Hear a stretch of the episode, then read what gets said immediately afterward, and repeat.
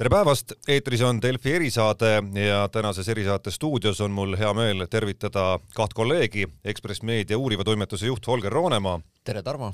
ja Eesti Ekspressi peatoimetaja Erik Moora. tere hommikust! Tarmo Paju, Delfi tegevtoimetaja saatejuhi rollis ja tänase saate teemaks on äh, täna Eesti Ekspressis ilmunud äh, Holgeri artikkel sellest, äh, mis heidab või saame arutada, kas ja kui palju heidab varju Jüri Ratase tegemistele peaministrina, õigemini tema raha kulutamistele ja, ja tekkivatele küsimustele ja muljele, et tal on vähekene sassi läinud riigi, erakonna ja iseenda rahakotid Äh, enne kui ma küsin Holgeri käest, kuidas see lugu üldse sündis, väike sissejuhatus, et, äh, et oleks põhilised äh, faktid ja, ja põhilised selle loo leiud kohe saate algul esile toodud, et et me räägime siin siis näidetena sellest, kuidas peaministri büroole tekkis ühel hetkel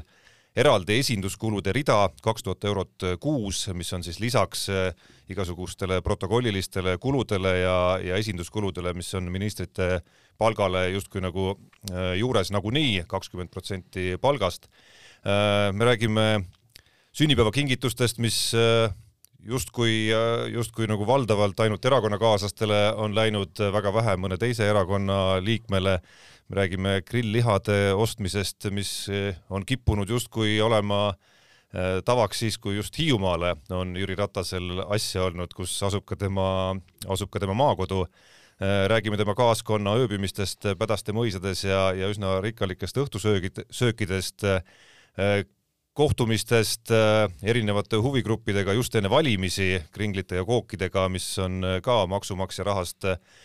kinni makstud, jookidest autos, džinnidest, toonikutest ja räägime ka tortidest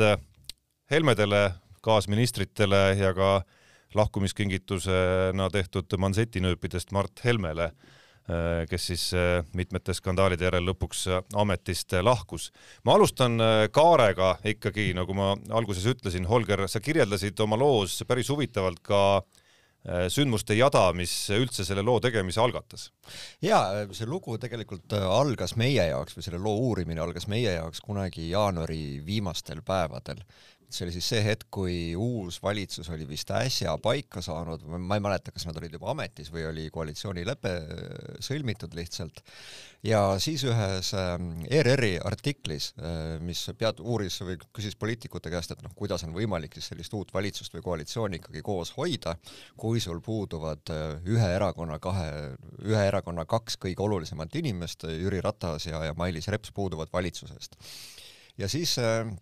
Martin Helme äh, viitas selles artiklis, et ja, ja et, et see on ikkagi väga keeruline, et äh, neil on vaja mingit uut formaati selle jaoks, et Jüri Ratase aeg, kus ka siis Helir-Valdor Seeder näiteks Isamaa juhina ju ei ole valitsuses olnud kunagi, et äh, Ratase aeg oli selleks formaadiks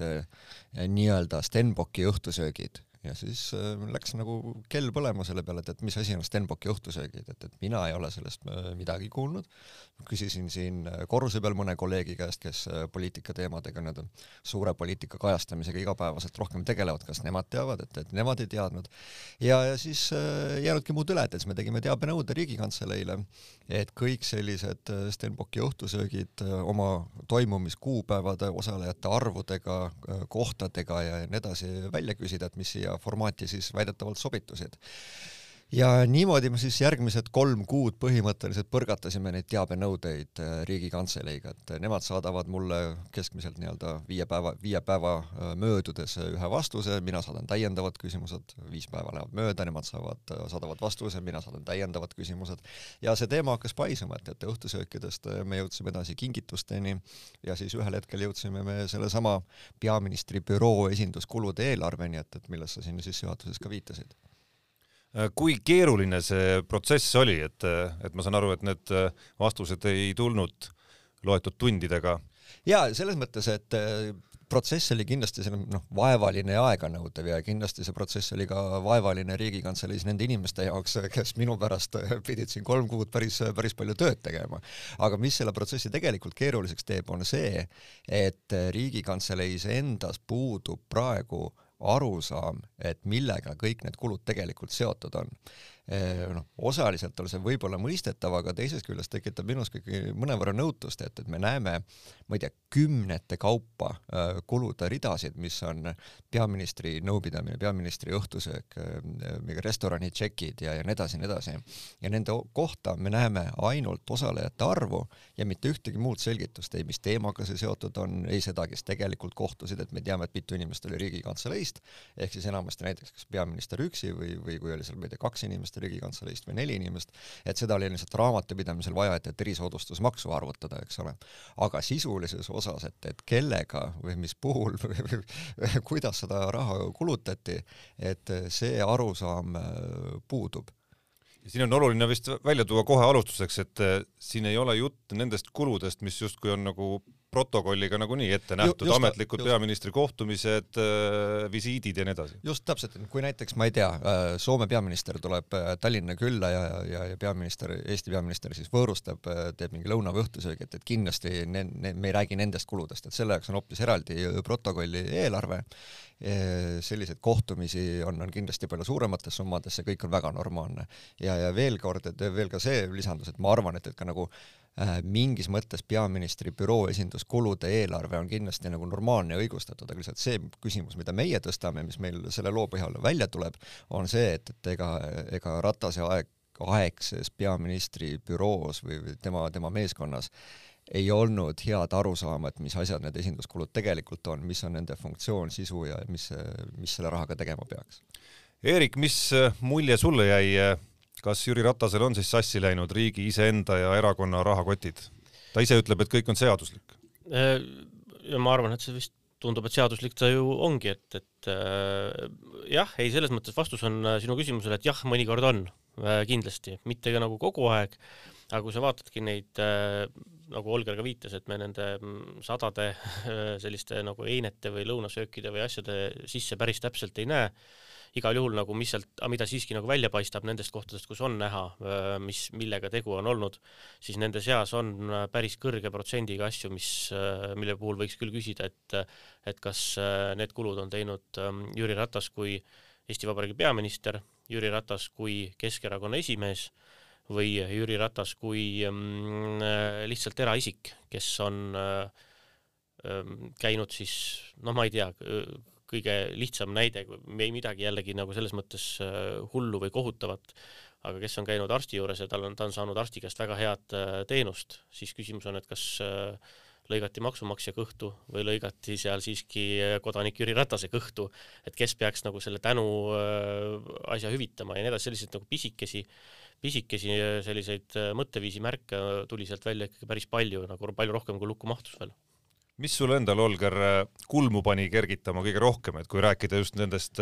nendest seikadest, kus, kus võiks väga, kõige konkreetsemalt ette heita, et, et siin nüüd küll on rahakotid sassi läinud? no üks asi kindlasti, mida, mida Erik mainis, et minu, minu meelest seesama terviseteema on igaühel nii isiklik teema noh, see, see on nii isiklik, nii intiimne teema ja, ja kui need lilled saadetakse, et, et siis minu meelest oleks ikkagi nagu, mulle tundub see kuidagi, kuidagi väga väga veidrana, et, et seda peaks siis nagu riigi kulul tegema, et see näitab nagu mingit suhtumist. aga okei okay,, et, et see lillekimp maksis seal, ma ei tea, nelikümmend eurot, et üks rida, eks ole. aga kui me võtame muud asjad, et siis loomulikult mind pani kõige rohkem kulmu kergitama siis üle-eelmise aasta äh, maakonna visiit äh, Saaremaale ja väikesaartele, kus äh, äh, neid nii-öelda ametlike kohtumiste kõrval, mida peaminister pidas, et kuhu ta siis võttis kaasa kõik oma poliitilised nõunikud, eks, ja, ja, ja see elu, mida selle reisi aeg elati, et näiteks kui neljakesti varem, üks õhtu varem kohale jõuti, Ratas pluss siis kolm nõunikku, ülejäänud lisandusid päev hiljem, et siis Pädaste mõisas õhtusöök neljale inimesele, mis läks kokku koos erisoodustusmaksuga maksma üle tuhande kolmesaja euro. et kui me nagu võtame, et üle kolmesaja euro inimese kohta. no maks et, maha vist eh, umbes kaheksasajane arve vist peaks olema. nojah, no siis sellisel juhul tuleb kakssada eurot inimese kohta, et oleks see peaministri ametlik üritus, taaskord kohtumine mis iganes Rootsi peaministriga või kelle iganesega Pädaste mõisas söök, jumala eest söögu, aga, aga noh, visiidi alustuseks selline oma, oma peaministri, oma nõunikele, see tundub tundub nagu selline suvepäevade korraldamine, eks. no ja sealt sama reisi pealt neid näiteid tuli edasi, et äh, ooperipäevadel kahel õhtul käimine, mis mõlemal õhtul läks kokku maksma üle tuhande euro, jällegi peaminister ja tema nõunikud ei olnud seotud ühegi ühegi sellise visiidi ametliku, ametliku osaga äh,. Hopetiga purjetamine Abruka saarele, et kus peal oli siis ka ligi tuhande euro eest toitlustust pluss, pluss siis sõidukulud. et, et lihtsalt see üks kahepäevane visiit äh, mis oleks saanud olla ühe ööga, venitati kolme ööbimise peale ja, ja läks maksma siis sellele büroole kokku noh, seal laias laastus kolmteist tuhat eurot, mitte büroole, vaid, vaid siis no, maksumaksja raha, eks ole. et see on nagu puhas selline luksusliku elu nautimine Äh, ja, ja loomulikult, äh, mis, mis sai silma veel nendest kuludest kindlasti on on äh, alkoholiga seotud kulud ja siis sellised nii-öelda Selveri tšekid, et see on nagu ühe kulutuse kõrval on lihtsalt raamatupidamise kommentaar joogid autosse ja siis kui me selle Selveri tšeki välja küsisime, et siis sealt tagant paistis kaks pudelit džinni, hunnik toonikuid ja siis mõned äh, äh, alkoholivabad siidrid, eks, et äh, noh, jällegi ühe üksiku kuluna oli ta seal kuskil saja euro tuuris, aga, aga nagu mis mõttes, et, et kuidas see on peaministri büroo esinduskulu või, või Hiiumaale täiesti arusaamatul kombel hunniku grillliha, šašlõki äh,, krõpsude, ma ei tea, mis igatahes, iganes snäkkide, Coca-Cola ja piimapaki ja, ja võileivamaterjali kaasaostmine, et, et see, ma ei, ma ei leidnud küll ühtegi piknikku, mida, mida seal sellises äh, vormis peetud oleks ja, ja siis äh, noh, üks väga huvitav osa, mis tegelikult on äh, selline, läheb poliitikasse, on siis needsamad äh, Stenbocki juhtusöögid, millest me, millest me seda uurimist alustasime. ja me näeme, et, et eriti siin nüüd viimase, valitsuse viimase kolme kuu jooksul on Stenbockis neid õhtusööke peetud iganädalaselt ja kui ma nüüd peast õigesti ütlen, siis mõnel nädalal isegi, isegi rohkem kui korra. et siis õhtuti koguneb kuni kuus inimest tellitakse toitlustus äh, kuskilt, äh, kuskilt restoranist, võetakse Riigikantselei kappidest alkoholid juurde ja, ja siis lepitatakse valitsust või, või, või tehakse mingeid põhimõttelisi poliitilisi otsuseid, et et see oli minu jaoks selline küllaltki kummastav, kummastav leid. Noh, kindlasti annaks argumenteerida vastu, et, et, et ongi nagu okei okay selline, kuidas öelda, kollektiivi äh, ühtehoidmise ja, ja, ja, ja kõikide selliste nii-öelda liigutuste vahend, see, mida nagu Martin Helme siis selle loo justkui algatuse andnud seisukohavõtus justkui nagu eeskujuks tõi ikkagi just hoopis, mitte, mitte tema ei näinud seda kuidagimoodi nagu negatiivsena. Ja ei, siin ongi väga nagu mitu aspekti, ega me ei ütle ju ka seda, et, et äh, nüüd on toime pandud nagu kohutav äh, selline kuritegude kaskaad ja mäherdune nagu enneolematu äh, enneolematu raisk-, raiskamine, vaid äh, inimlikult on seesama, see oma meeskonna kooshoidmine, oma inimeste meelespidamine äh,, oma meeskonna või noh, ütleme siis ka oma äh, toetajatele kingituste teha tahtmine ja nii edasi, see ongi Jüri Ratase stiil ja see on, ongi pigem sümpaatne, et ta peab inimeste sünnipäevi meeles suhtleb nendega, kingib neile mingisuguseid meeneid ja muid asju. Et, et see, see moraali aspekt üldse esiteks on üldse see, et, et, et sellised asjad ja kulud reeglina peavadki läbipaistvad olema, sellepärast et nende sees võib olla moraalselt küsitavaid asju ja me oleme näinud, et neid siin ka on. ja see moraali aspekt käibki selliste asjade kohta, kus, kus, kus sa näed, et mõtteviis on selline, et, et pole midagi, paneme kuludesse. ja see tulebki välja mingistelt niisugust, niisugustest kummalistest kohtadest, kus on kus on järsku enne valimisi toimuvalt intensiivselt toimuvaid kohtumisi äh, Äh, mingisuguste päevakeskustega ja asjadega, kus äkitselt ilmuvad kuludesse kringlid ja tordid suurte, suuremates kogustes. Ja siis äh, pärast valimisi jällegi kaovad sealt ja nii edasi, et see, see näitab, et äh, et sellesse on suhtutud sellise nagu lõdva hoiakuga. Ja, ja see, on võib-olla probleem, millest rääkida. No et see... et, et, et jah, et nagu ma ütlen, et see, see, et see, et, et inimeste sünnipäev meeles peetakse ja tehakse, see on, ongi normaalne ja no Jüri Ratas äh, sünnipäevade meeleshoidmises, mis iganes see süsteem tal on, on üsna kuulus vist. Üle,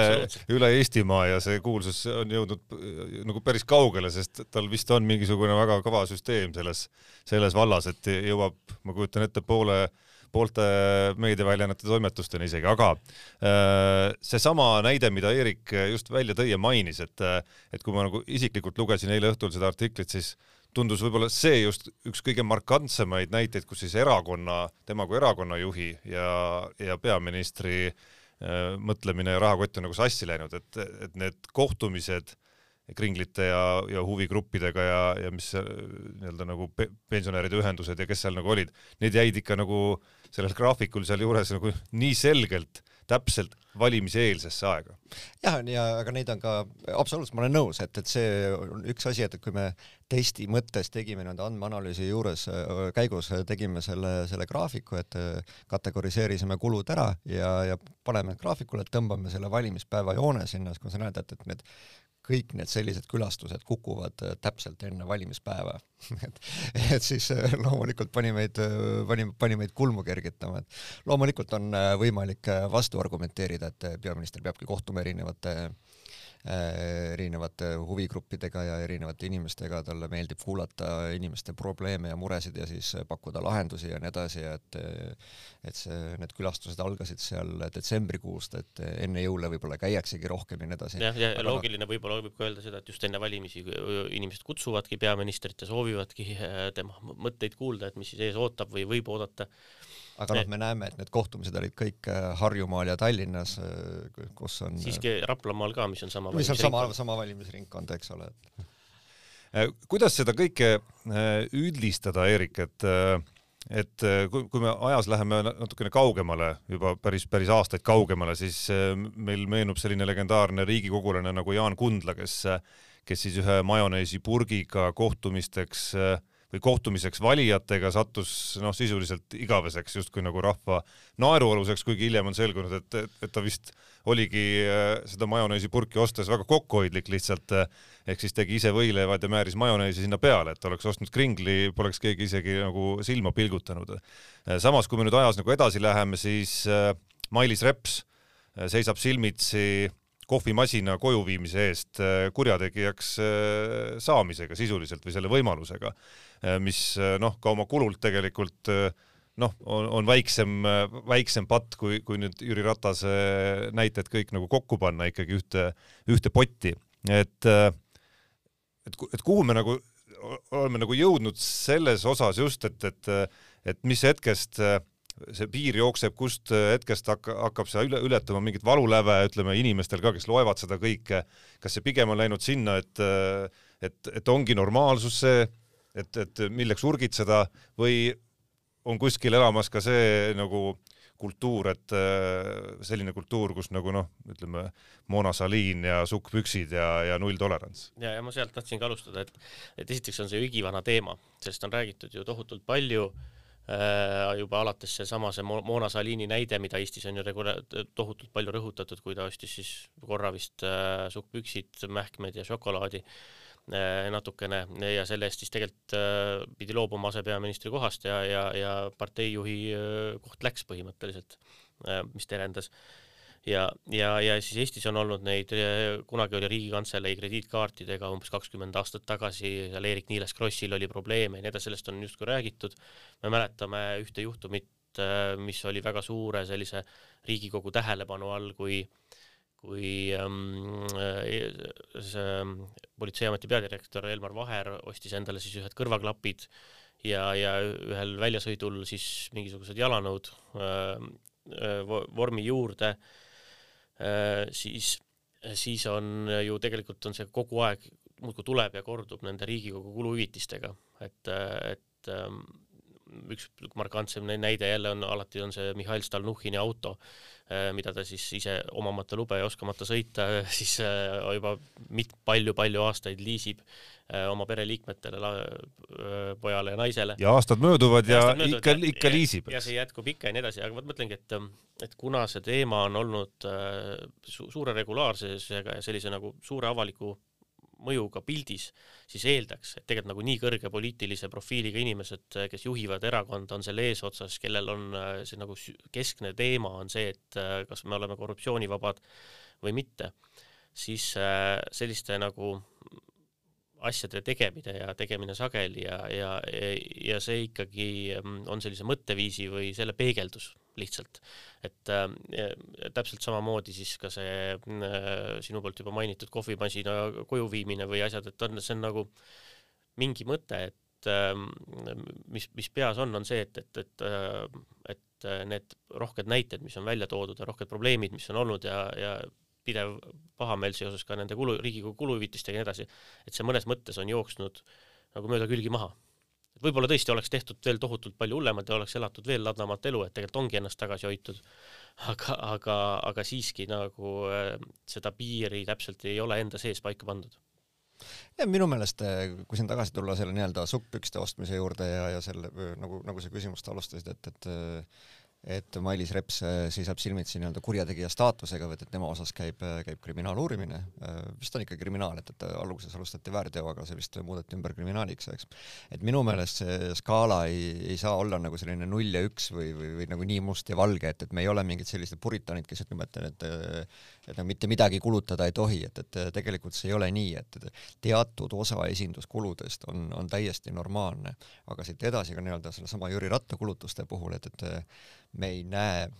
noh, see on puhtalt moraali ja eetika küsimus, et ka see, et, et kui ma Jüri Rattaga rääkisin selle loo jaoks ja, ja küsisin tema käest, et kuidas tema enda jaoks eristab enda rolle peaministrina, eraisikuna ja erakonna esimehena sellest tulenevalt ka siis rahade kasutust, et et mis kulutused peaksid minema riigi raha eest, millised kulutused Keskerakonna raha eest ja millised isiklikust rahast, kus ta muide saab ju ka kakskümmend protsenti palgale, saab ta otse puhtalt kätte just nimelt esinduskuludeks. et siis Jüri Ratta vastus oli, oli väga lihtne, et tema oli kakskümmend neli seitse peaminister kõigile Eesti inimestele et eh, noh, mis näitab ka seda suhtumist, et et kõik kulutused, mis ma teen, ma teen peaministrina ja, ja, ja nii, ja nii ongi, et, et ei ole mõtet väga küsima tulla. Äh, no Eerik, sa meenutasid ka mingeid hetki veel vanemast jadast, et äh, kui me nagu räägime ühest üsna värskest äh, loost, kas või Õhtuleht siin, võin nüüd eksida, kas mõned nädalad või paar kuud tagasi kirjutas järjekordse loo sellest, kuidas Keskerakonna Tallinna juhid siis on jaganud erinevat eelarvet ja seal on äh, Kalle Klandorfi ja Mihhail Kõlvartiga seotud organisatsioonid, näiteks spordiklubid, äh, ilmselgelt vana, saanud vana teema oleme sellest Ekspressis täpselt samas just, võtmes kirjutanud mõned aastad tagasi. just, sinna ma tahtsingi jõuda, et ilmselgelt on saanud erikohtlemist, siin ei ole nagu mingit küsimust, sa vaatad peale, süvened ja, ja ei ole loogilist seletust, miks just see spordiklubi võrreldes või korvpalliklubi võrreldes äh, mõne muu Tallinna korvpalliklubiga on saanud selliseid toetusi nagu sa ütlesid, Eesti Ekspress on kirjutanud ka varem sellest ja, ja kindlasti teisedki väljaanded, aga justkui aastad lähevad, aga midagi ei muutu. jah, ja ega tegelikult ongi, ma arvan, ka sellisest Keskerakonna mentaliteedist ja raskustest äh, kogu sellest asjast ähm, välja tulla, äh, mida siin ju Jüri Ratas ametisse saades ja erakonna esimeheks saades suure häälega mm, deklareeris, tegelikult väga suur osa, ma arvan, selle juurtest ja asjadest ongi selles Tallinna ainuvõimus et, et Tallinnas lihtsalt äh, kogu, kogu see Kesk, Keskerakonna selline eliit või suur osa sellest on, on siis Tallinna linnavõimu taustaga ja Tallinnas lihtsalt ollakse harjunud tegema seda, mis sa ise tahad. et see on viimastel aastatel on, ma arvan, see kindlasti äh, paranenud ja avalik surve on, tähelepanu on olnud väga suur. ja, ja, ja aga, aga, aga, aga selle juured on ikka, ikkagi nendes paljudes-paljudes aastates ka sellest ajast, kui Edgar Savisaar oli veel selle erakonna juht ja Tallinna linnas noh, sõna otseses mõttes äh, ongi see käinud niimoodi, et, äh, et äh, tehakse, mis tahad, meil on ametikohad, kust me kunagi tagasi ei astu, kust me ei taandu, kus me võime teha, mida me tahame, või veel parem, me võime mitte midagi teha, lihtsalt meie häälel on mingisugune nagu hind ja selle hind on see, et me oleme seal nõukogus kuskil ja nii edasi. ja, ja, ja, ja noh, seesama lihtne näide, mis tegelikult ikkagi väga paljusid inimesi, ma arvan, õigustatult tõsiselt pahandas või tundus nagu täitsa hoomamatu oli see, et miks äh, siis rahvasaadik Igor Kravtšenko mingit reaalset vastutust ei kanna selle eest, kui ta sihilikult autoga inimest äh, tõukab või nügib platsi peal, täitsa arusaamatu, aga see ongi jälle seesama mõtteviis, et, äh, et ükskõik, mida avalikkus arvab, noh, et meil on selles mõttes ükskõik. aga selle tuules, mis sa arvad, Eerik, mida peaks see, see praegune lugu nüüd äh, ja, ja noh, sa oled oma hinnanguga tänases Eesti Ekspressi juhtkirjas, äh, eriti selle lõpuosas väga selgelt välja öelnud, et küsimus on selles mõtteviisis, selles hetkes, kus äh, kõrge poliitik noh, näiteks tellib joogid autosse ja ütleb, ah, mis seal ikka, paneme selle ikkagi nagu maksumaksja kuludesse, eks. et küsimus on nagu selles hetkes on ju, et kas sellest jadast Jüri Ratasele nüüd konkreetselt peaks nagu justkui nagu kaasnema midagi, kas see, kas see on mingi plekk tema edasisel poliitkarjääril, mis ilmselgelt tundub, et saab olema Eestis väga pikk, kas see on miski, mis unustatakse loetud päevadega juba, mis edasi?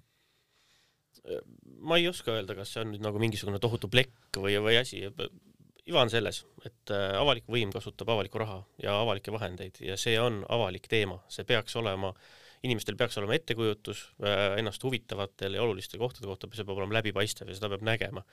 ja, ja sellepärast on ka õigustatud äh, meil selle loo tegemine ka isegi oludes, kus me tegelikult ju ei väidagi, et tegemist on toimunud mingisuguse kullast katuse ehitamisega oma maamajale või, või, või kullast vetsupottidega, mis maksavad sada miljonit nagu Putini äh, villas äh,. aga, aga, aga mõttekoht, äh, see võiks äh, olla ja peaks olema nii talle kui kõigile teistele erakonnajuhtidele, nii, nii, nii temale kui, nii tema kaaskonnale kui ka kõigi teiste peaministrite ja ministrite lähikonnale. et, et, et nad äh, mõtleksid selle piiri enda peas selgeks.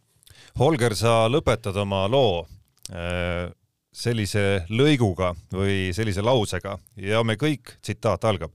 ja me kõik võime vaid teha panuseid, kui uhked hommikuöined, peened lõunad ja lõõgastavad õhtusöögid hakkavad toimuma siis, kui Jüri Ratas juhtub saama Kadrioru lossi uueks peremeheks. Äh, väga jõuline lõpp, sisaldab siiski päris palju. No me ju kõik teame, et, et Jüri Ratas tahab saada presidendiks ja ta vähemalt äh, kaalub, äh, kaalub seda väga tõsiselt ja väidetavalt on see noh, asi nii kaugel, et, et asi on Jüri Ratta otsustada, et kui mina tahan, et siis ma saan presidendiks, et siin ei olegi nagu muud juttu, et, et põhimõtteliselt kogu valimised, presidendivalimised taanduvad sellele, et kas üks mees tahab või, või ei taha, et see on lihtsalt selline poliitiline äh, reaalsus, mis, mis praegusel hetkel, hetkel Eestis valitseb et noh, selle artikli lõpuga, no punkt üks, et kindlasti kui Jüri Ratas otsustab nüüd ka ametlikult, et ta tahab kandideerida ja see kampaania algab ja kõik välja tuleb, et siis kindlasti ka see tänane meie artikkel jääb, jääb seda presidendikampaaniat saatma, mis tähendab seda, et Ratas peab vastama presidendikandidaadina ikkagi väga spetsiifilistele küsimustele, mis puudutavad tema, tema kulutamisharjumusi ja tema suhtumist rahasse ja rahakottidesse mida äh, talle ei meeldi teha.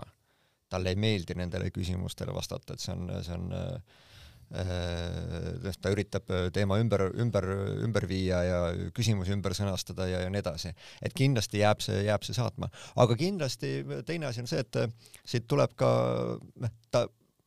me näeme, et, et milline võiks see elu Kadriorus olla äh, Äh, noh, milline selline stiil võiks olla, taaskord, et ega see ei ole otseselt ju kuritegelik, aga ta lihtsalt näitab seda, seda stiili, et, et milline see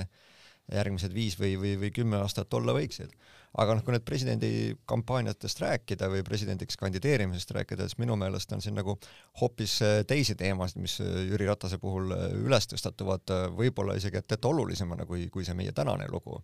et kas Eesti presidendiks peaks sobima inimene, kelle, kes on, kelle valitsus on sattunud äsja väga suurde korruptsiooniskandaali, kes erakonna esimehe peaministrina on oma erakonna viinud järjekordsesse korruptsiooniskandaali, kes sellesama kurikuulsa Louis Freeh juhtumi puhul ei näidanud üles mitte mingisugust tegelikku soovi olukorda lahendada või, või selgeks uurida, vaid, vaid vastupidi, vastupidi, silustada igatepidi kokku. et neid moraalseid küsimusi on minu meelest nagu nii palju ümber, mis puudutavad äh, seda eelmist, äh, eelmist valitsust, mis oli ka mälu, mälet-, me kõik mäletame, et üks kõige lõhestavam valitsus, mis, mis siin Eesti taasiseseisvumise aegadel, aegadel olnud on. et ma arvan, et äh, et võib-olla viie või kümne või viieteist aasta pärast oleks see presidendiks kandideerimine nagu natukene mõttekam, et, et kui on ka aega andnud võimaluse tagasi vaadata selle valitsuse, eelmise valitsuse tegemistele. sa natuke ennetasid mu järgmist küsimust, kui me siin äh, oma juttu kokku võtame, et äh, isegi ilma äh, tänase Eesti Ekspressi loota ja, ja, ja küsimustega raha kulutamise osas, et et tundub see teile kuidagimoodi jahmatav, et, et Jüri Ratas nii selgelt on eh, kerkinud eh, noh, kas soosikuks või, või, või üheks ülitõenäoliseks uue presidendi kandidaadiks? kõike seda arvestades, mida, mida Holger loetles, pluss veel punkt, et justkui tavaliselt eh, nii aktiivseid nagu nii-öelda parteipoliitikaid või poliitikas aktiivselt olevaid eh, tegelasi justkui ei olegi varem nagu ju kaalutud, et pigem see on olnud nagu paljude kandidaatide puhul on olnud see nagu üks põhietteheiteid, et nad nagu kaude on olnud mingi erakonnaga seotud või, või veel natukene on ja nii edasi. nüüd me räägime Eesti ühe suurema erakonna juhist. jah, et äh, kui sinu küsimus oli see, et, et kas see tundus väga jahmatav või nii edasi, siis äh, ka kahel tasandil, üks on, üks küsimus on see, et, et kas see on kuidagi nagu ootamatu või arusaamatu ähm,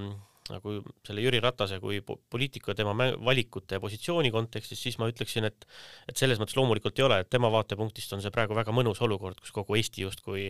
ootab äh, tema vastust, ta on äh, tähtis, ta läheb äh, maakonna, maakonda kohtuma inimestega, siis sellel on kuidagi teine tähendus hoopis ja, ja, ja, ja see, see temale, temale on see tähelepanu kindlasti nauditav, ma arvan, ta hoiaks seda veel palju kauem, kui, kui talt kogu aeg ei küsitaks, et mis see otsus nüüd on. ma arvan, ta hoiabki seda kauem ja ei ütle meile homme ega ülehomme ega üle-ülehomme, mis ta teeb. aga üldiselt äh, kui jätta kõrvale siin äh, see artikkel või isegi, isegi see suur korruptsiooniskandaal, mida on muidugi võimatu kõrvale jätta, äh, siis, siis, siis ikkagi just see küsimus, et et kas see on ikkagi päris nagu Eesti posi-, Eesti presidendi positsiooni selline nagu loogikaga ja mõttega kooskõlas, et meil ühe väga mõjuka äh, partei juht ja väga nagu selle partei selline noh, nagu vaieldamatu liider otse sellelt partei juhi positsioonilt peaks saama presidendiks, et mina arvan, et see Eesti presidendi äh, loogika ikkagi ei ole, et äh,, et me, meil on olnud presidente, kes on olnud partei juhid äh, või, või tippjuht, juhttegelased on ju, aga seal on ikkagi vahel olnud selge ajavahe, selge eemalolek. Äh, Toomas Hendrik Ilves oli kõige väiksema vahega, tema oli siis, ähm, äh, tema oli siis Europarlamendis tükk aega ja, ja, ja Arnold Rüütel, kunagine erakonda juhtinud inimesena tegelikult ikkagi oli nagu hoopis teise erakonna kandidaadina või noh, see oli nagu uus edasiarenenud mitme partei liitumisest te tekkinud et sellist otseselt nagu parteilist, nii parteilist presidenti Eesti poliitiline süsteem ei näe väga ette, äh, vaid, vaid presidendi roll just on olla selline nagu parteideülene ja siduda neid äh,, siduda neid huve, huve kuidagi kokku, peegeldada ja vahendada seal natuke. ja selles mõttes on see äh, just nagu nende võimu, võimutasandite sellise tasakaalustamise mõttes on see väga kummaline ja probleemne mõte aga noh, teema läheb küll algpunktist kaugele, aga, aga see küsimus on huvitav ikkagi, et, et miks Reformierakond äh, annaks sellele rohelise tule? ma arvan, et siin on äh, mitu asja, et me oleme väga sellises poliitpragmaatikas, et punkt üks on äh, soov ja vajadus äh, hoida äh, hoida praegust valitsust koos, et, et kui see on praegu Kaja Kallase valitsuse nii-öelda püsimise hind või, või tekkimise ja olemise hind, et siis Reformierakond lihtsalt puhtalt praktiliselt on valmis seda äh,, valmis seda hinda maksma ja no, ja, ja kedagi nad ju peavad selles mõttes ka toetama, et nad on, neil on selge pilt, et kuni on peaminister on nende erakonnast, siis nad presidendi kohta pretendeerida ei saa. ehk siis sisuliselt oma kandidaate ette lükata ei saagi või, või ei tohiks. no Kersti Kaljulaid peaks nende eelistus olema, justkui jah, ma arvan, et seal on sümpaatiat äh, paljud tunnevad, võib-olla mitte kõik, võib-olla mitte kogu üle Eesti ja äh, üldse me selles mõttes räägime ka jube sellises nagu kindlas toonis sellest, nagu Reformierakond peaks üldse ühiselt või ühtselt kuidagi midagi otsustama või tegema, ma arvan, et et päris paljudele Reformierakonna inimestele, kes tulevad eriti siin, kui peaks valimiskoguks minema, valimiskogusse, siis võib olla päris keeruline Äh, ära põhjendada, miks nad peaksid Jüri Ratast toetama Eesti Vabariigi presidendina, tulevad oma omavalitsusest. ja, ja samal ajal, samal ajal äh, noh, ja Riigikogus me ütleme ka niimoodi, et nagu Olga ütleski, et Jüri Ratase valik, kas ta tahab presidendiks saada või ei saa, siis ka see ei ole nii lihtne, tegelikult ikkagi Riigikogus on vaja koalitsiooni, praegusele koalitsioonile päris palju lisahääli, et, et ära valida. ja, ja küsimus, kas Isamaa, sotsid ja EKRE ähm, seda teevad sel hetkel äh,, on võib olla päris küsitav. Jätame poliitpragmaatika ja, ja, ja presidendivalimiste teemal kindlasti nii selles stuudios kui ka teistes stuudiotes järgnevate kuude jooksul on põhjust päris palju ja veel põhjalikumalt neid küsimusi arutada. ma tänan Holger, ma tänan Erik selle jutuajamise eest, jääme ootama, milliseid järelkajasid tekitab tänane artikkel ja, ja, ja mismoodi ühiskond sellesse suhtub tänan ka mina kõiki kuulajaid, järgmine Delfi erisaade on eetris juba homme